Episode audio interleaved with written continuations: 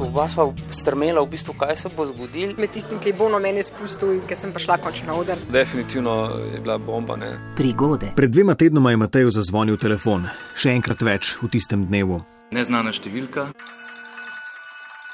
soglasim. In ženski glas na drugi strani me vpraša, če se še spomnim, jaz sem tisti mladenič, ki je pred leti prinesel ena pisma iz Amerike. Pred leti je namreč Matej nekaj mesecev delal v ZDA. Sedem let je že minilo od takrat in klic ga je zato popolnoma presenetil. Zdaj pa nazaj v zgodovino, v obdobje pred telefonskim klicem. Delajo v trgovinici spominki v mestecu Jackson, vajen in nekoliko naveličan je živel zgovornih kupcev, ki so ga vsakič znova spraševali, odkot prihaja in potem prikimavali, da Slovenijo pa poznajo. Uh, course, before, in potem smo vedno znova ugotovili, da natančno vedo, kje je Bratislava. Na kar do njega nekega dne, proti koncu štirimesečnega obdobja, pristopi gospod, od katerega je pričakoval podoben vljudnostni človek. Na vprašanje moje, uh, če ve, kje je Slovenija, ni odgovoril uh, z ja ali ne, ampak postavil novo vprašanje, če vem, kje je rečica ob Savinji.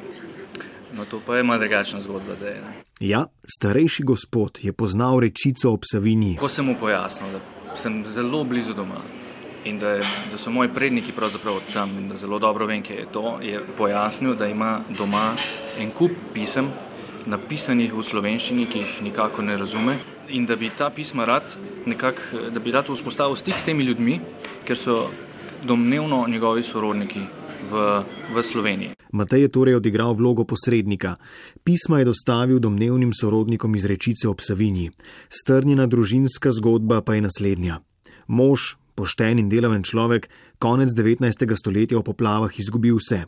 Ostal je z ogromnimi dolgovi in pa družino, ki jo je bilo treba nahraniti. Odšel je s trebuhom za kruhom in pristal v Koloradu. Pisma, ki jih je pred sedmimi leti prejel in dostavil moj sogovornik, so bila pisma tega možaka izpred stoletja svoji družini v rečici ob Savinji, o življenju v ZDA in s pozivi, da naj se mu pridružijo.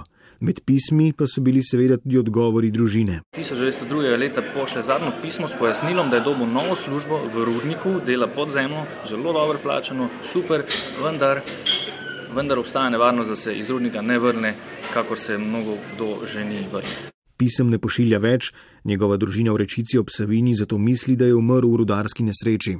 Nekaj let potem pa se iz Amerike v isti kraj vrne drug možakar, ki je prav tako v tistih težkih časih zapustil Slovenijo in šel za, za, za boljšim življenjem eh, čez lužo.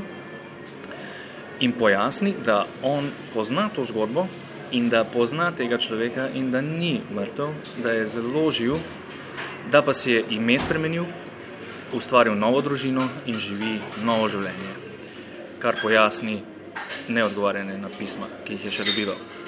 Um, to je seveda vse presenetilo, eni so verjeli, drugi ne. Uh, nekateri je zgodba začela tako zanimati, da so, da so začeli raziskovati.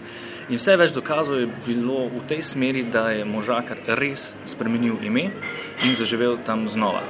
In če zdaj preskočiva nekoliko to zgodbo, ja. se pojaviš ti, srečaš njegovega vnuka v ZDA, ki ti izročita pisma, ti ta pisma prineseš v Slovenijo in začne se ponovno povezovanje dveh pravzaprav uh, vej družinskih. Tako, ki, bil, ki sta bili vej izgubljeni pred stoletji. Um, in zdi se, da, da sledi vodijo v pravo smer. Um, torej, vnuk sreča mene, mladega študenta in mu izročita pisma in jaz pomagam eh, družini, družino spet združiti. Telefonski klic pred dvema tednoma, sedem let po Matejevem delu v ZDA, ko mu je vnuk izseljenca iz rečice ob Savini izročil pisma in dobro stoletje po opisani selitvi s trebuhom za kruhom, telefonski klic je pomenil pobudo za družinsko srečanje. Vnukinja moškega izpred stoletja je prihajala iz ZDA v Evropo in Matej je pomagal pri organizaciji srečanja s pravnukinjo iz Slovenije, pravnukinjo ta istega možaka. Dogovorili so se za srečanje v Budimpešti, ampak niso pa bili še popolnoma prepričani, da so res sorodniki. Uh, mi smo se potem tam dobili. Uh, prvič v življenju so se videli, bili so uh, presenečeni, veseli, uh, um, polni upanja in pričakovanj. Uh, seveda smo se posedli za mizo, uh, odprli vsa gradiva, ki smo jih imeli s seboj. Si še vedno niso bili popolnoma prepričani? Ne, do tistega trenutka ne, ko pa so prišle na dan fotografije, pa pisma, pa pisave, pa zgodbe, pa eh, ena stran zgodbe z družinskim drevesom, pa druga stran zgodbe, je pa iz 80% šlo na 99,9%, da to je ista družina in preživeli smo zelo lepo popovdne, uh, vsi so bili veseli, uh, z mano urejten, krasna izkušnja in uh, super zgodba. Vaše zgodbe sprejemam na nič 1 475 2202 ali na nec.jemecaf na rtvslo.si.